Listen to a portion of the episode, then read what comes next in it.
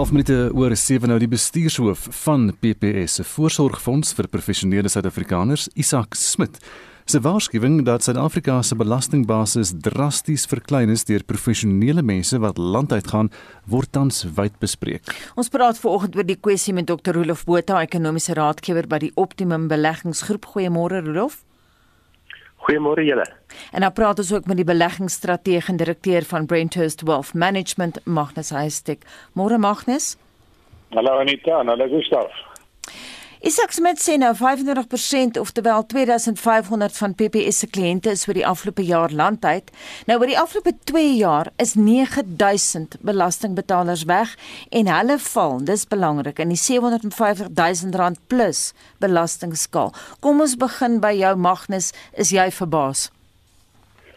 Dit is verbaas dat die nommer so groot is want maar maar nie oor die tendens nie. Die tendens is al 'n geruime tyd aan die gang die afgelope 10 jaar. Ons sien dit op baie plekke, op baie verslae tel ons op dat welvarende Afrikaners uh, uh immigreer en en vat hulle geld saam. Maar dit lyk my of die COVID pandemie hierdie uh, uh, tendens aansienlik versnel het. En daai syfers as mense 'n bietjie befyne begin ontleed. Dis uiters uiters kommerwekkend as ons praat van van van uh, uh, amper meer as 10% van ons boonste 'n kategorie van belastingbetalers wat uh, in 'n jaar net net weg is en dit word ook gerugsteun deur uh, as tesorie self se eie syfers. So hier is baie baie duidelik 'n groot probleem wat toekomstige belastinginsameling betref. Rolof, wat is jou kommentaar op hierdie syfers? Ja, uh, ek moet nou eerlik wees dat ehm um, dit dit die die woordie drasties wat gebruik is. Ehm um, in, in hierdie verklaring van PPS uh is is miskien heeltemal oordrewe want daar het uit die afsien saak uit tydens die inperkings uh, was dit baie moeilik vir mense uh om uh, te reis uh per vliegtuig na ander lande en met baie hoë werkloosheid in uh, of verhoogde werkloosheid in alle lande in die wêreld tydens die ergste van die inperkings wat dit uh, baie moeilik geweest natuurlik vir mense om ook te emigreer. Nou ek is ek wil nou nie uh, sê dat die mense wat nou vir PPS gesê het hulle hulle gaan emigreer nie het gejok nie. Maar wanneer jy uh, van van een versekeraar 'n uh, plek PPS is 'n plek waar jy van jou spaargeld uh, in insit en jy verwag uiteindelik natuurlik nou uh, groei op daardie op daardie belegging. Wanneer jy nou uh, weggaan van so 'n plek af, mag dit dalk wees dat jy verskuif na 'n ander versekeraar uh, vir watter rede ook al uh, en dan sê maar jy gaan emigreer. So ek ek weet nie of daar dalk 'n uh, bietjie van 'n 'n jokfaktor daar is nie, maar wanneer ons kyk na die die uh, laaste wat ons aan amptelike immigrasiesyfers kan kry, dan was daar in die laaste 5 jaar eintlik 'n afname gewees. Die hoogste vlak van immigrasie van ehm um, blanke Suid-Afrikaners was in die dekade of die 5 jaar tussen 2011 en 2016, toe daar gemiddeld 22000 mense per jaar net oor die 22000 mense per jaar geëmigreer dit was die hoogste en hy het in die laaste 5 jaar tussen 2016 en 2021 het hy gedaal na 18000 toe. Uh maar daai vinnige flits het hulle gesê net voordat ons nou begin het met hierdie bespreking van die uh, onwettige wapens hmm. uh, in hierdie drie lande. Dit dit kom nou in by die hoofrede, die nommer 1 rede waarom sommige Suid-Afrikaners besluit om te emigreer en dit is uh die veiligheidssituasie in hierdie land. Uh so, so dit is nogal interessant. Kom ons kyk na wat die tesourier self sê. Hulle voorspel dat die inkomste uit die drie hoogste belastingskale gaan met 8% afneem. Dit is 22,6 miljard rand. Nou dit klink vir my drasties. Nou wil ek by jou weet Magnus, die wat nou agterbly in die land. Sal ons nou voortaan meer belasting moet betaal om die staat se koffers te vul? Anita, mens moet net hoop dat daai afname wat deur die tesourier geskets is net tydelik is en ek dink 'n groot deel daarvan is net tydelik. Tydens COVID baie professionele mense, sakemanne uh en dis meer ontwikkelaars se besighede tot stilstand gekom of grootliks tot stilstand gekom. En soos wat ons uit die COVID pandemie beweeg, kan daai mense weer 'n toename in hulle inkomste verwag. So mense moet net hoop en bid dat dit is die geval.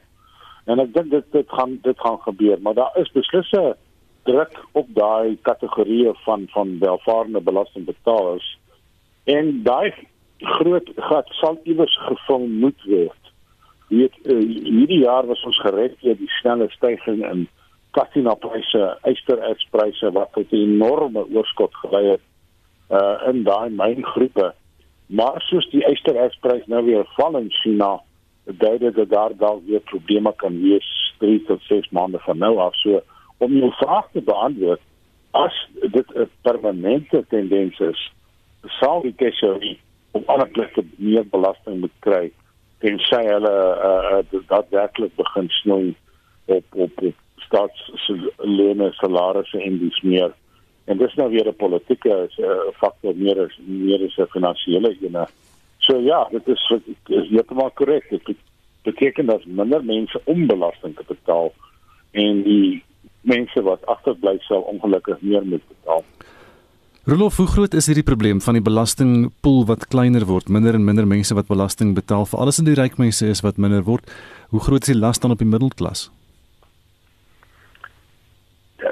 Nie wenig baie swaarder nie, want wat nou sê ek sê nou hierdie 8% waarvan ek praat, is uit die algemene saak vir 'n spesifieke belastinggroep. En hulle is maar 'n redelike konservatiewe lot. Ek het self daar gewerk 'n hele klomp jare gelede. En uh, hulle hulle uh, baseer natuurlik hulle vooruitskattinge op uh, uh, hulle ekstrapoleer maar seker met die die redelike onlangse data wat nie goed lyk nie want tydens die pandemie soos Magnus reg gewys het uh, opgewys het het baie mense in die hoër inkomste groepe het besluit om maar so 'n bietjie van 'n haarsny om dit nou so te stel te neem op hulle salarisse om hulle besighede aan die gang te hou en soos wat die ekonomie nou uiteindelik weer in volle gaan herstel en hy's baie naby aan behalwe vir die toerismebedryf sal daardie inkomste weer toeneem. So ek dink tesorie is in die eerste plek heeltemal te konservatief. En wat mense miskyk is dat daar was in die 5 jaar tussen 2011 en 2016 was daar 1 miljoen mense van die res van Afrika wat na Suid-Afrika gemigreer het. En dit het nou ook in die laaste 5 jaar afgeplat. Mense sou dit verwag omdat COVID nou in die die pandemie in hierdie tydperk geval het, het afgeneem na 944 000, maar dit is nog amper 200 miljoen mense per jaar. En baie van daardie mense is hoogs gekwalifiseerd. Uh waar hulle hulle geld belê is natuurlik 'n ander saak. So uh, ek het dit vermoed dat die langtermynversekeringsbedryf van Suid-Afrika al sy vertakkings sal uit die afhangige saak moet wakker word vir hierdie realiteite van die demografiese demografiese verskywing in Suid-Afrika. Ehm um, daar is uh weens verskeie redes, nie net die veiligheid nie, maar uh uit die afsig saak uit die uh, agteruitgang van dienslewering die regering sal werklik moet wakker word vir die ongelooflike groot verskil in die in die basiese dienslewering in die Wes-Kaap teenoor meeste van die ander provinsies. Ehm um, en en vir hulle self afvra maar hoe is dit moontlik? Uh as hulle nie die munisipaliteite baie vinnig kan regkry nie gaan hierdie tendens nie uh, nie ophou nie maar en dan dan so ander fenomene wat ons net miskien aan gedagte moet hou en dit is semigrasie. Ek is oortuig daarvan dat baie mense wat normaal is waar geld iets waar dit ook al is geneem het en miskien hulle een om tydelik uitverhuur het en en toegetrek het na kleiner dorpies in Suid-Afrika. Want wat gaan gebeur in die volgende 5 jaar jy hoef nie eintlik te immigreer nie. Jy kan gaan na jy kan trek na 'n redelike rustige plekie ergens in die platland in Suid-Afrika waar daar dan nog water is en begaanbare paaie Hmm. En jy kan van daar af werk met hierdie nuwe tegnologiese vooruitgang wat op ons afgedwing is natuurlik weens hierdie pandemie. Met dit natuurlik veilig is. Dit is altyd 'n faktor in Suid-Afrika. Magnus, ek wil terugkom na jou toe. Ons het nou baie gepraat oor immigrasie, baie Suid-Afrikaners wat land uit is en so aan. Maar ek wil fokus op die middelklas want so baie van ons is middelklas en nie in daai top ryk um, belasting um, uh, wat noem mense kurwe of so. Kurwe ja. of so nie. Ja. Maar Wat van die middelklas? Dink jy die middelklas gaan uiteindelik amper verdwyn? Want hulle kan nie die middelklas kan nie so maklik immigreer en dit vat baie geld om te gaan immigreer want jy moet eiendom koop en dikwels is dit baie euros wat jy nie kan bekostig nie. So waar gaan die middelklas heen as hulle meer belasting moet betaal? Maar hulle kan ook nie oor see gaan woon nie. Wat van hulle? Ja, en dit is korrek. Uh, die die middelklas en selfs uh, baie van die sogenaamde rykklas kan nie meer bekostig om te immigreer nie. As jy kyk na die plekke wat tradisioneel ehm um, baie Suid-Afrikaners getrek het, Nieu-Seeland. Ehm um, dit daai daar verby. Dit is amper onmoontlik tensy jy baie baie uh, hoogs gekwalifiseerd is in 'n sekere rigting maar om eiendom in Mauritius, ag ek skuis tog in, in Nieu-Seeland te koop.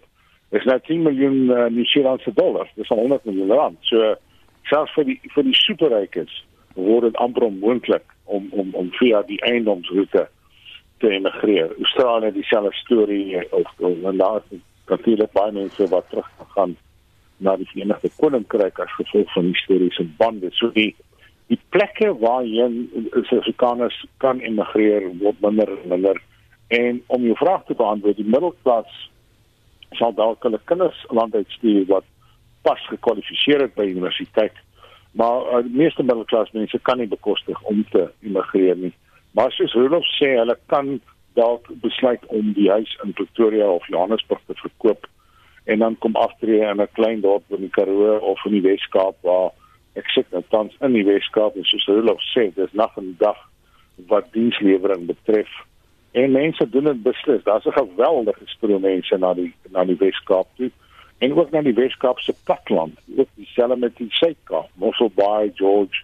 So daai immigrasiepatroon gaan beslis voort. Mense gaan uh, kry vir die want hulle kan met tegnologie amper baie bedrywe kan hulle van enige plek in die wêreld doen. Rudolf, hoe goed is die regering daarmee om uh, en die inkomste diens SARS um, om mense wat immigrasie oorweeg terug te wen, weet daai daai ding van hulle hearts and minds om die om die hart en en die en die gedagtes in hulle kop om te keer. Wat sê ons moet nou net die, uh, uit hierdie land uit wegkom. Ja, ek dink nie hulle is baie baie goed aan nie. As jy net maar net een uh, so nou dan die Brit ry. Uh, oh, seker dat jy weet jy so die wens die mense in die munisipaliteit uh, het nie die tegniese vaardighede om 'n slaggat reg te maak nie. Ehm um, en en dit reik ook nie baie lekker daar nie uh, op verskeie terreine uh, rondom daai dorp. Hmm. Uh, en dit was 'n fantastiese dorp gewees, uh, nie baie lank gelede nie, maar ek wil net vinnig terugkom na uh, aan Anita se se vraag aan Magnus oor of die middelklas gaan verdwyn. Ek dink dit is absoluut onmoontlik. Uh, ons ons lewer op die oomblik omtrent 240 000 mense wat grade kry elke jaar, grade en en uh, en naskoolse kwalifikasies, waarvan 55% in in wetenskappe, ingenieurswese, tegnologie en ekonomiese wetenskappe is in rekeningkunde. Dit is omtrent 200 en ja tussen 220 en 240 000 per jaar. En wat luisteraars net moet onthou, ja, as in die saak is daar baie redes waarom mense sal wil immigreer en uh, volgens opnames wat deur een van die grootste agente vir immigrasie wêreldwyd gemaak is, is die vierde belangrikste rede waarom Suid-Afrikaners immigreer, is die regering se beleid van regstellende aksie. Wat as mens mooi daaraan dink diskriminerend is teenoor 'n nuwe geslag Suid-Afrikaners wat absoluut niks te doen gehad het met die konstitusionele beleid wat ons voor 1994 gehad het. En wat hulle eerder moet begin oorweeg is om vir maatskappye aansporings te gee om 'n stelsel van mentorskap in te stel. In terme waarvan 'n ervare uh, en goed gekwalifiseerde blanke persoon dan nou 'n uh, minder ervare pasgegradeerde swart persoon um, onder sy onder sy vlerke neem en en van touwys maak want uh, mense uh, graad natuurlik is een ding maar uh, dit dit neem baie jare voordat 'n mens nou werklik die ondervinding het om behoorlik waarde tot die ekonomie toe te voeg. Maar hierdie uh, gedagte van dat uh, baie blankes in Suid-Afrika dis 'n realiteit. Ehm uh, is is bekommer daaroor of hulle kinders gaan werk kry in hierdie land en dit is die vierde belangrikste rede hoekom hulle emigreer. Die regering moet sy ideologiese beleid baie vinnig laat staan want anders sal daar uit die afsake probleme wees want hierdie mense wat gegradeer het soos ek sê, wie gaan hulle oplei uiteindelik as as hierdie migrasie tendens voortduur? Mag dit wil jy iets sê daaroor? Nee, ek ek ek is so baie dat ek so baie saamstem saam met eh uh, die vanoggend. so ja, dis uh, so ons seker die selle koffie vir die volgende uh, Nee, baie dis dis uh, regstellende aksie as mense en, en ons is in die bedryf waar mense met ons sit gesels oor hulle toekomsplanne en die van hulle kinders en veiligheid en orde die die die, die infrastruktuur wat in daai stort en dan en laastens die toekoms van hulle kinders. En baie mense sê eenvoudig ek sal alles doen sodat my kind Jannie of Sunny met sy graad iewers op 'n ander plek dalk 'n plekie kan kry en dan daar in nes selfskop. So dis daar werklik baie bekommerd oor 'n regstellende aksie. En natuurlik veiligheid. Veiligheid is natuurlik uh vir baie baie mense 'n baie groot motivering. Na die ondersteuning van KwaZulu-Natal het ons besigheid byvoorbeeld geweldig baie oproepe gekry van mense wat gesê het nou moet ons skuif. En dan dan sê ons mense kom ons wees net so 'n bietjie rustig. Kom ons kyk net na die alternatiewe, moenie emosionele besluite maak nie. Maar daar was 'n geweldige opwelling van amper paniek. Ons moet uit en en dit is nie die goeie regte tyd om sulke besluite te maak nie, want dit is 'n baie moeilike besluit. Baie dankie laaste woord vir oggend gegaan aan Magnus Huystek, hy is direkteur van die Brenthurst Wealth Management Groep en dan het ons ook gepraat met Dr. Rolof Botha, ekonomiese raadgewer by die Optimum Beleggingsgroep. 'n Man wat sy werk kwyt is weens 'n fout met sy identiteitsdokument 19 jaar gelede, beskryf sy situasie as benard. Tami Masangemu sê die departement van binnelandse sake het sy profiel geblok, wat beteken dat hy nie sy gesteelde ID en rybewys kan vervang nie. Masangemu het vir byna 2 dekades lank dieselfde identiteitsnommer as iemand met dieselfde van gehad. Dries Liebenberg berig. Die 38-jarige Tami Masangemu is so maar soos 'n kraai waar hy op sy bed sit. Hy woon in 'n kamertjie in 'n agterplaas in Isipingo in die suide van Durban. Rondom hom is sy dokumente soos 'n lewensverhaal op die bed uitgelê. 'n Kopie van sy ID, matrieksertifikaat, opleidingssertifikate en bewyse van besoeke aan binlandse sake. Hy is op 23 Januarie 1983 by Bergwil in die weste van KwaZulu-Natal gebore. Masangemu sê sy ma het nooit 'n geboortesertifikaat verskaf aan die skole waar hy ingeskryf is nie. Gelukkig is hy toegelaat om in 2001 matriek te skryf met sy skoolrapporte wat as identifikasie gedien het. Hy het die volgende jaar in Johannesburg om 'n ID-aansoek gedoen om sy droom van 'n universiteitsopleiding te verwesenlik. Masangemu sê toe hy die ID gaan afhaal het, was sy foto op 'n dokument met die naam van Pikiseni Lindani Masangemu en 23 Februarie 1983 as geboortedatum. Tami Masangemu sê 'n amptenaar het hom aangesê dat die ID-nommer nie verander kan word nie. Hy is aangeraai om vir 'n naamsverandering aansoek te doen omdat die van op die dokument met syne ooreengestem het. Hy sê hy het nie besef dat daardie aansoek 'n duplisering op binlandse sake se database veroorsaak het nie. Masangemu sê hy het dit eers jare later uitgevind toe hy 'n bankrekening geopen het. Die situasie het vroeër vanjaar breekpunt bereik nadat hy van sy ID, rybewys en bankkaart beroof is. Toe hy om 'n nuwe bankkaart aansoek doen, moes hy uitvind dat Binlandse Sake sy profiel geblok het. Die trane loop oor Masangemu se wange wanneer hy vertel dat hy as gevolg hiervan sy werk verloor het en die oënskynlik onoorkombare probleme om 'n nuwe idee te bekom. Just to my ID. So checking my license and leave my I'm not just going and rob people instead they get robbed. Amptenare by Binlandse Sake se kantoor in Durban se Umgeni weg het verlede week vir hom gesê hy moet Bergwil toe gaan om afskrifte van sy skoolrekords of 'n afskrif van sy geboortesertifikaat te kry by die hospitaal waar hy gebore is. Dit terwyl hy sedert Junie sonder inkomste is. Masangemu sê amptenare by binlandse sake wil nie van diens wees nie. If they don't want to work, they tell you uh, computers are offline. Masangemu sê hy het oor die jare na Pikiseni Masangemu gesoek met wie hy 'n ID-profiel gedeel het. Hy het hom uiteindelik op Facebook opgespoor. Toe hy uitvind dat sy profiel geblok is, het hy vir Mpikiseni Masangemu gebel. I asked him, he said me I went there uh, they gave me a new profile. But now I don't know if your ID is blocked. I, I told him, I, but now if you, it was you who did that to me, it's not right. SAK nuus het byna 'n week gelede 'n woordvoerder van binnelandse sake, Sia Khoza, om kommentaar genader. Nog geen kommentaar is ontvang nie. Ek is Dries Liebenberg in Durban. Estie Jean Cubert laat weet as jy nie stem nie, dan moet jy leef met ander mense se besluite wat vir jou geneem word. En Dirk van Eden uh, Edenvale skryf: Ek gaan stem om te probeer om 'n verskil te maak. Witche Ferrie van Potchefstroom laat weet kiesers moenie toelaat dat politiek hulle stem verdeel nie. Kiesers in elke wijk moet vooraf besluit vir watter kandidaat hulle gaan stem ongeag aan watter party hy behoort. Die belangrikste is dat ons van die ANC in stadsrade ontslaa moet raak. En Daniel van Wyk sê my stem kan 'n verandering teweegbring. Jy verdien die stelsel wat jy sal erf indien jy nie gaan stem nie. Deur te stem is die enigste manier hoe jy op beter dienste kan aandring. Wees deel van die oplossing.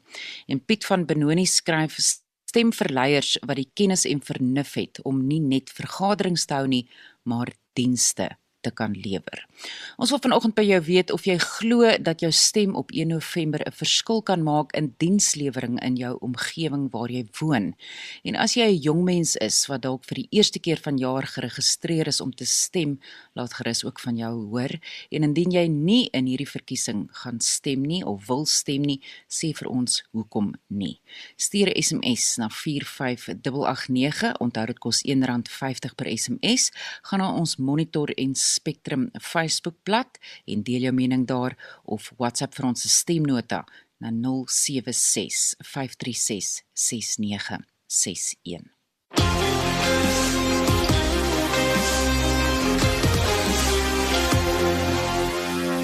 Via Spectrum sportbyeenkomste is die naweek afgehandel en Pieter van der Berg is gereed met 'n opsomming. Goeiemôre Pieter. Môre sê Gustaf. So die Springbokke, asook die Blitsbokke was die naweek weer op die rugbyveld in aksie. Hoe die sake daar verloop? Ja, natuurlik verlede week het ons in die rugby kampioenskap pak gekry teen Australië die Bokke. Hulle het met 28-26 verloor. Nou Saterdag het ons weer teen Australië gespeel en die Bokke het goed begin, maar ongelukkig het hulle die kanse verspeel om eerste punte aan te teken. Ons het boonop in die wedstryd twee geel kaarte gekry en dinge wou maar net nie uitwerk nie. Die Bokke het so ietwat lusteloos gelyk ook sonder fit gespeel en ek dink die planne was maar min en baie balbesitters weggeskop en boonop was ons verdediging ook nie na wense nie. Maar uh, Gustav, ek dink uh, daarteenoor moet ons daarom sê die ons het uitstekend verdedig. Hulle het met brute krag die bokke agteruit gedwing en boonop het hulle 4-3 teenoor ons ingedruk. Nou die rustuittelling was 15-12 dan in die Wallabies se guns en die eindtelling 30-17. Komende Saterdag speel ons teen in Nieu-Seeland, dis nou Suid-Afrika teen Nieu-Seeland en uh, dit is natuurlik ook die 100ste toetswedstryd in die geskiedenis tussen die twee lande lande.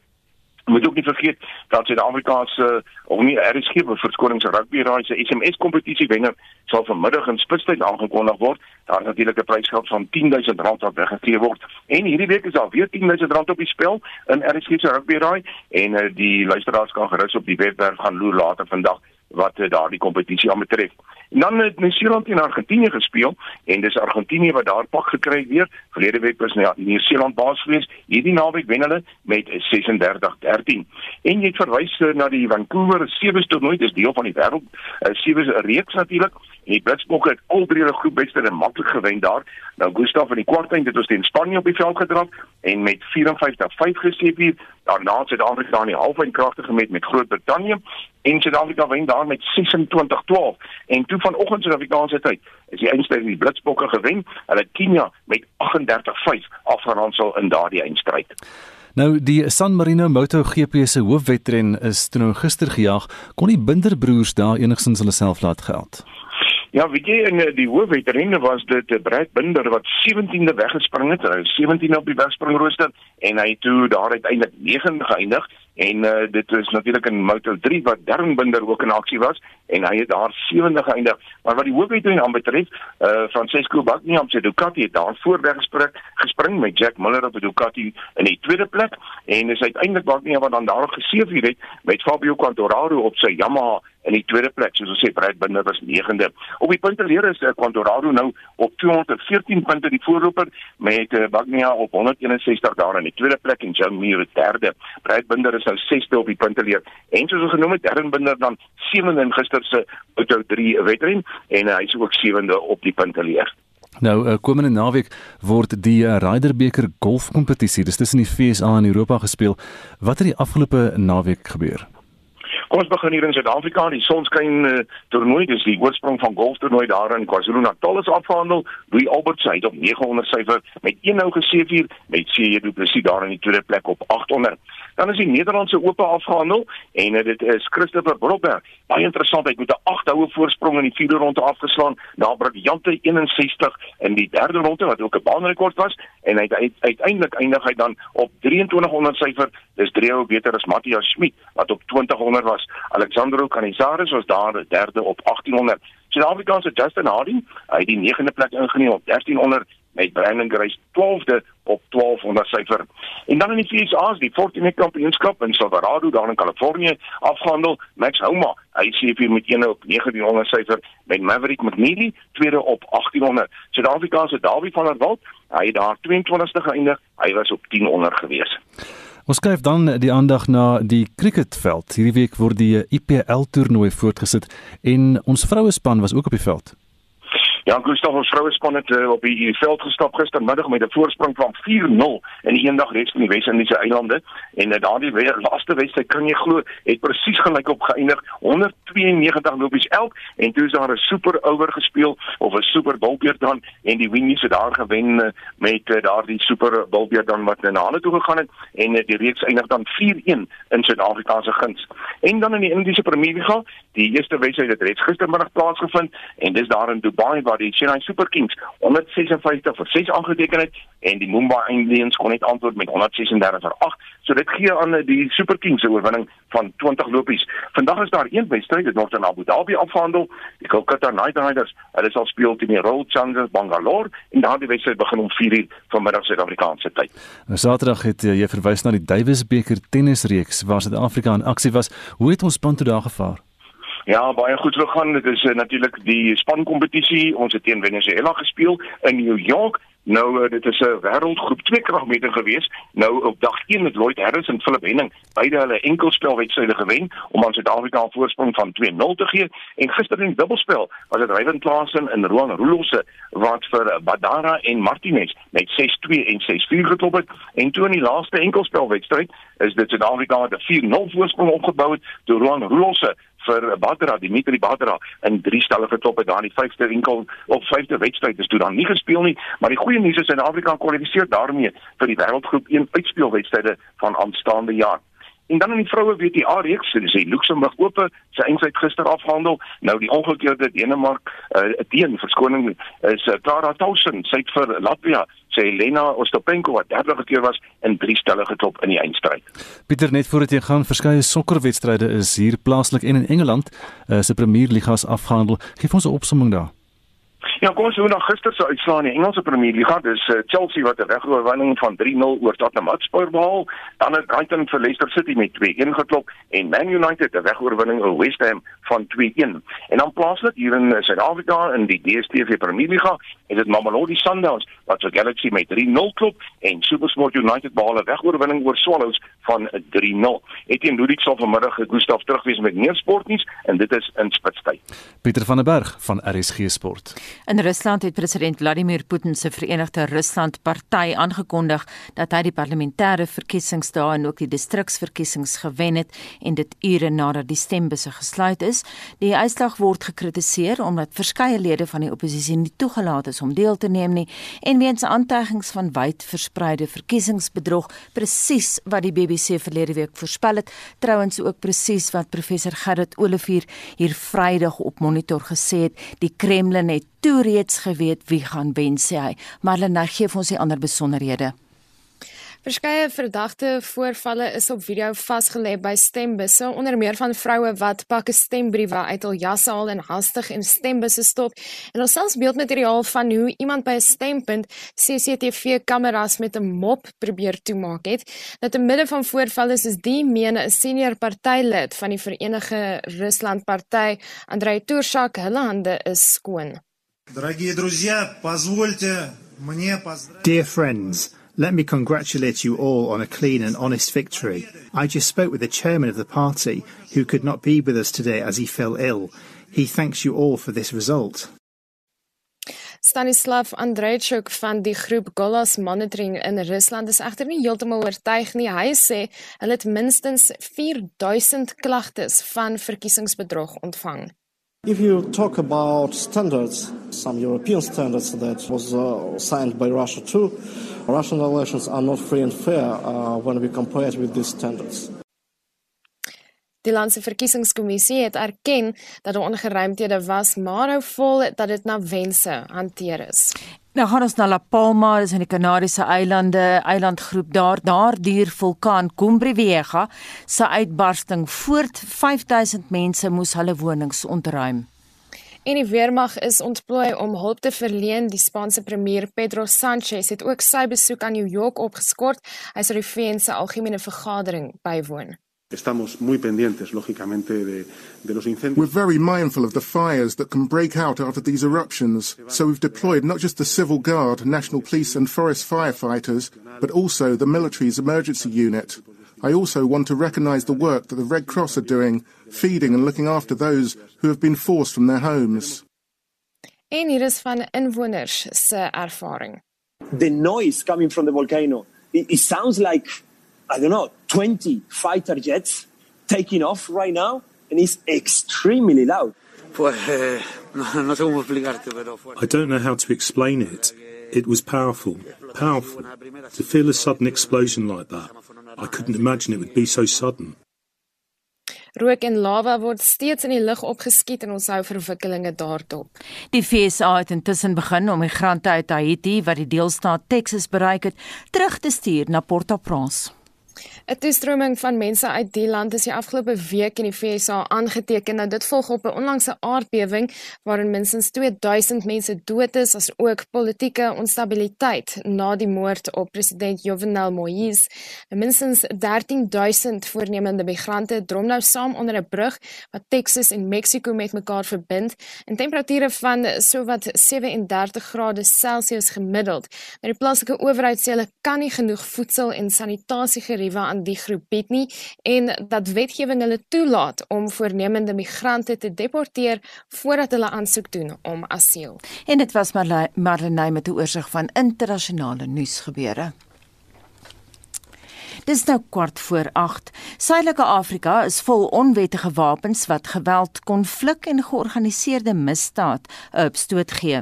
Dit is volgens 'n verslag deur 'n senior ontleder by Global Initiative Against Transnational Organized Crime, Jenny Irish Koboshane. Sy sê wapens en ammunisie is 'n ruilmiddel in die onderwêreld van bendes en dwelms dwelmsyndikaate in die taksiebedryf. Mitsi van der Merwe het meer. Die toeganklikheid van onwettige wapens veroorsaak 'n toename in transito-rooftogte, gewapende rowe, ontvoerings en moorde. Die verslag is gebaseer op veldwerk in Suid-Afrika, Mosambiek en Zimbabwe.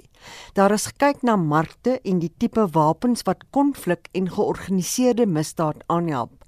Maar hoe kry jy statistiek as wapens onwettig is? Look, it is very difficult. So we have what are rough estimates that is also based on work also done by other organizations such as the Small Arms Survey, etc., and um, gun policy. So we actually tried to collate all the different sources of information and then I mean we're looking at in southern Africa in the three countries Mozambique Zimbabwe and South Africa an estimated 3.8 million unregistered illegal firearms in the pool that would be all types of weapons our fours our fives AK47, handguns, etc.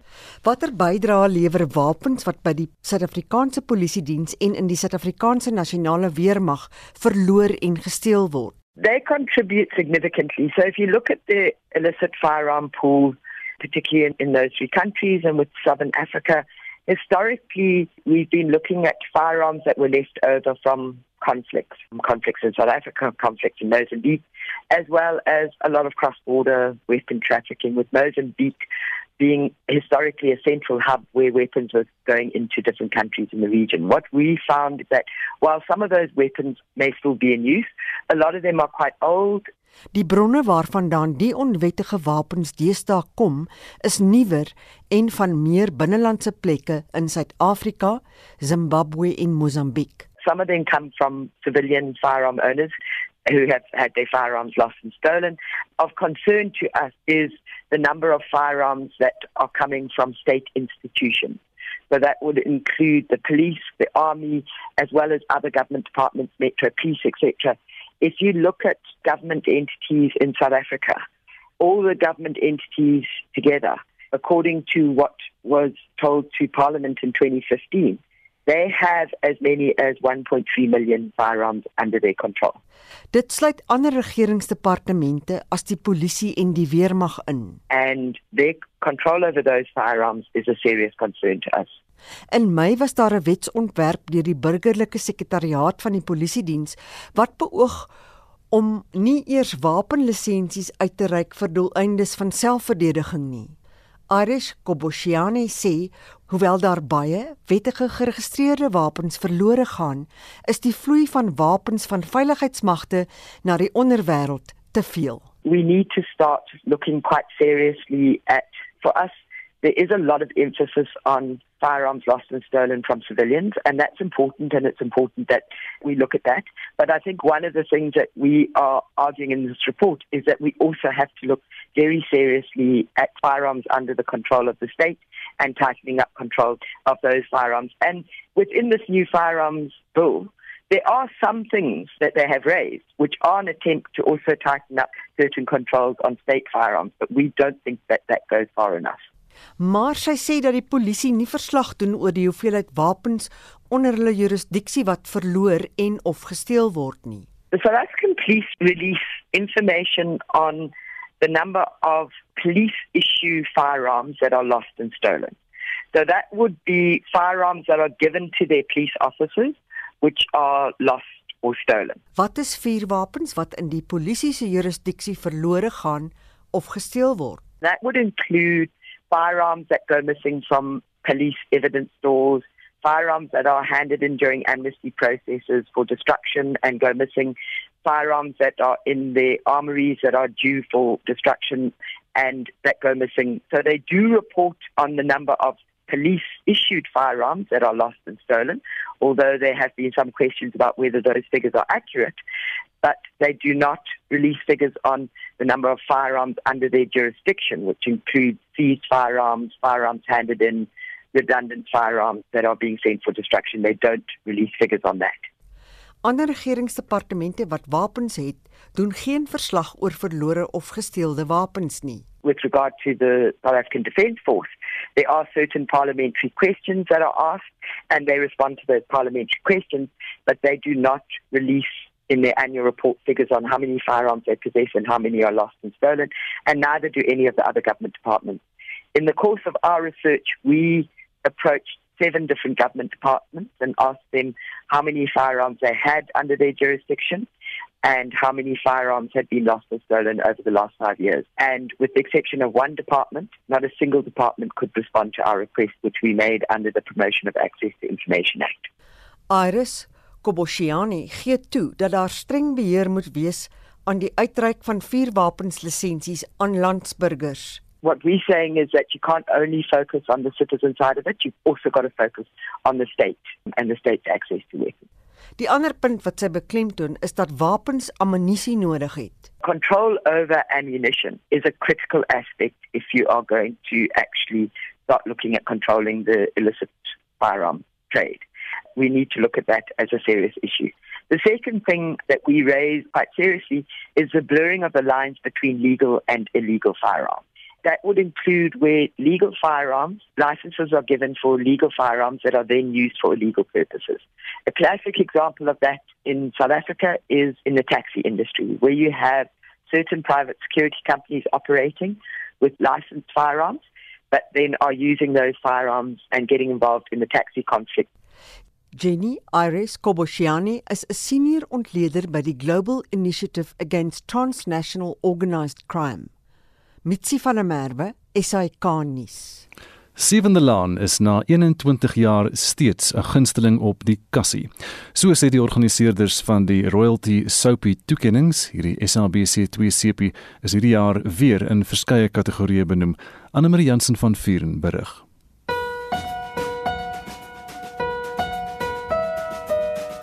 Die akteur Dirk Stolz is benoem in die kategorie Beste skurk. In hierdie kategorie ding hy mee teen Eric Holm van Binnelanders en Wusi Kunene van Generations The Legacy.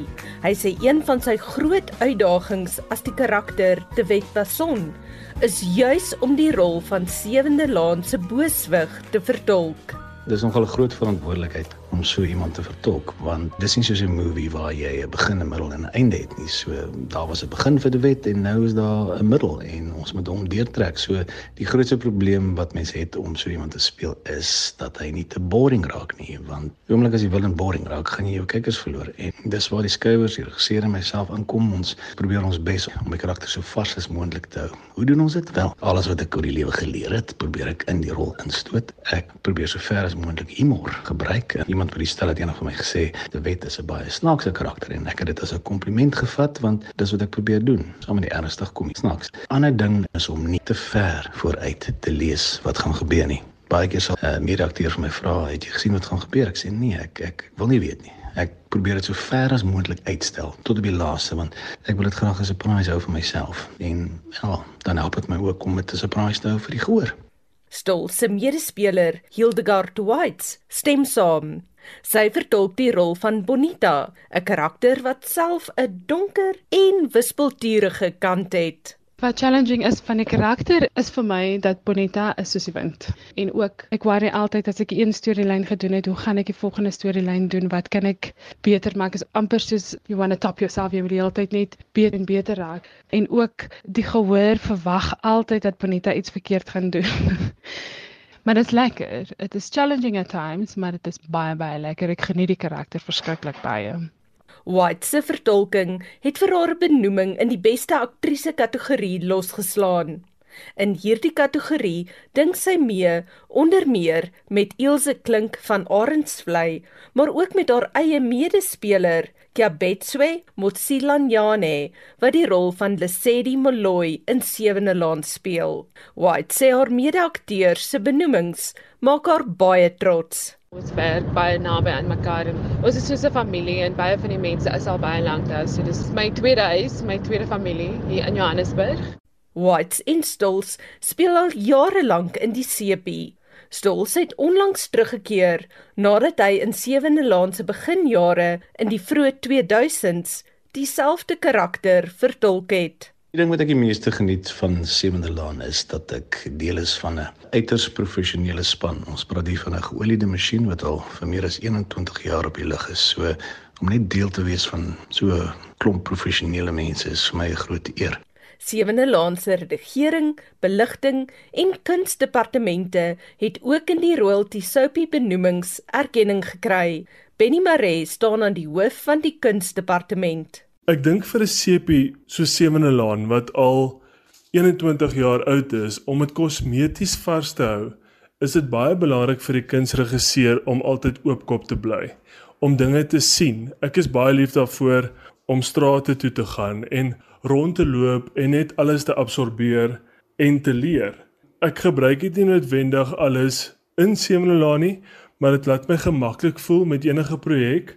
En ehm um, as dit by die tyd kom om 'n projek aan te pak, dan het ek al hierdie kennis en ek het al hierdie prentjies in my kop wat ek dan later kan toepas. En wat sou Maree as sy grootste uitdagings beskou? Elke dag by Semelaan het gewoonlik sy eie uitdagings. Ons skrywers is ontsettend kreatief en soms as ek die teks lees, dan raak ek skoon benoud, maar ek dink die groot geheim is om dadelik te begin met die projek. Onthou vir kamera is niks onmoontlik nie. En met slim kamera werk kan jy enigiets realisties laat lyk. Ek dink as jy gewoonlik klaar is met die projek, kom jy agter, dit was toe nooit so erg so wat dit gelyk het op papier nie. Benny Maree, die hoof van Sewende Laan se kunsdepartement. Die royalty soapie toekenninge word op 2 Oktober op SABC1 uitgesaai. Ek is Anne Marie Jansen van Vuren vir SAK nuus. Ons praat ver oggend oor die komende plaaslike verkiesings op 1 November. Hier is van die luisteraars se terugvoer. Dion, ek glo beslis my stem kan 'n wesenlike verskil maak in opsigte van dienslewering. Dit plaas uit die aard van die saak die ANC onder geweldige druk. Dit sê eintlik die ANC behoort uitgestem te word. Brakenjanie van Witrifuur. Al die politikuste kom met leë belofte. Net tot wanneer hulle ingestem is. Wat gebeur dan? Witrifuur, Nelspruit. En kom kyk hoe lyk dit hier by ons. Die plekke val uit mekaar uit, man. Ek is Jopie van Vryheid. Uh hierdie mentaliteit wat so oorheersend is van ek gaan nie stem nie. What is the use of vote? Dit is vir my belaglik. Ons oppositiepartye sukkel. Die regerende party is het domineer en manipuleer net soos hulle wil. Ons sal moet regtig bymekaar kom en ons sal elke stem moet sien as kosbaar en ons moet ons ver verantwoordelikheid en ons plig nakom as landsburger. Ek is Magilo Brolser van Woester. Sien ja, ek het geregistreer. Ek sal nou maar net eers sien met verkiesingsdag hoeveel mense is daar. Uh, as daar te veel mense is, dan gaan ek nie stem nie want ek dink hierdie verkiesing gaan maak dat die COVID getalle weer begin klim. Marlene, wat is op die dagboek vir Spectrum om 12? Die konstitusionele hof lewer na verwagting uitspraak oor of die OVK wettig opgetree het toe hy die benoemingslys vir kandidaate vir die komende verkiesing heropen het. Die saak teen die voormalige Tembisa polisielid Nomian Dlovu duur vandag voort. Sy word beskuldig van die moord op haar vriend en vyf gesinslede om toegang te verkry tot hulle versekerings ter waarde van sowat 1,4 miljoen rand. En ons bied meer duidelikheid oor Brittanje se stelling dat mense wat in Afrika, Suid-Amerika en Asië ingeënt is, nie as sulks beskou word nie en steeds vir 10 dae lank tuis moet afsondering of verder afsonder. Dit dis in 12 en 1 op Spectrum vanmiddag. Nou Monitor sal ook na daai storie kyk en tussen vorige uitsendings van Monitor is op RC se webblad as 'n potgooi beskikbaar. Gaan na www.rc.co.za. Dis die einde van Monitor. Ek is Gustaf Vreiling. Ek is Anita Visser.